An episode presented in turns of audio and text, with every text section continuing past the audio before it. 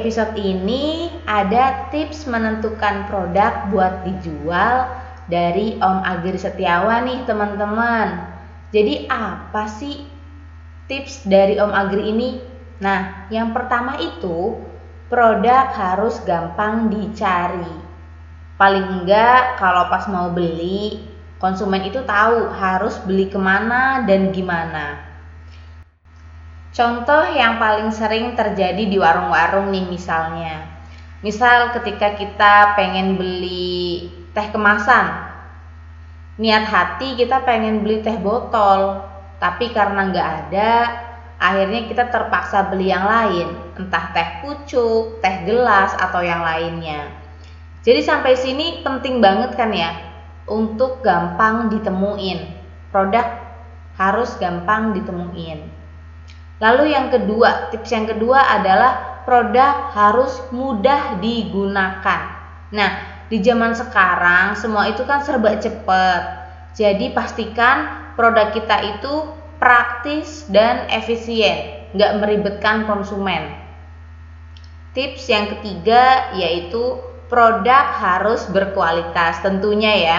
Jadi walaupun mau gampang ditemuin atau mudah digunakan tetap harus berkualitas. Nah, ini yang sering disebut-sebut sebagai gerbang dari konsumen repeat order.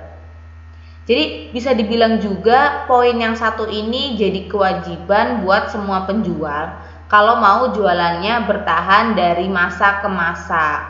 Karena biasanya omongan orang itu akan mempengaruhi e, calon konsumen Ketika memang kita memberikan produk yang tidak berkualitas, maka orang tersebut pasti akan menyebar ke yang lain dan yang lain bisa jadi tidak akan uh, order ke kita gitu. Jadi kita tetap harus mengutamakan kualitas dari si produk tersebut.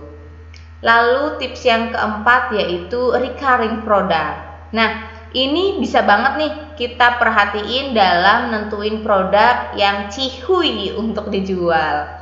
Nah, jadi recurring product itu maksudnya produk yang dibeli berulang-ulang. Semakin sering konsumen membeli dalam satu bulan, nah berarti recurringnya itu lebih bagus. Lalu tips yang terakhir yang kelima yaitu murah meriah. Jadi Om Agri itu masukin ini di poin terakhir karena nih, soalnya jangan sampai murah meriah itu dijadikan poin utama.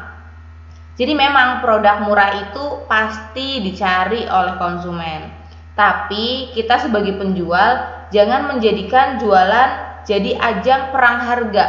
Kita juga harus nentuin e, laba di kitanya, jangan sampai kita rugi. Jangan sampai uh, untuk memurah meriahkan kita lupa tujuan dari kita berjualan. Sekian tips dari Om Agri.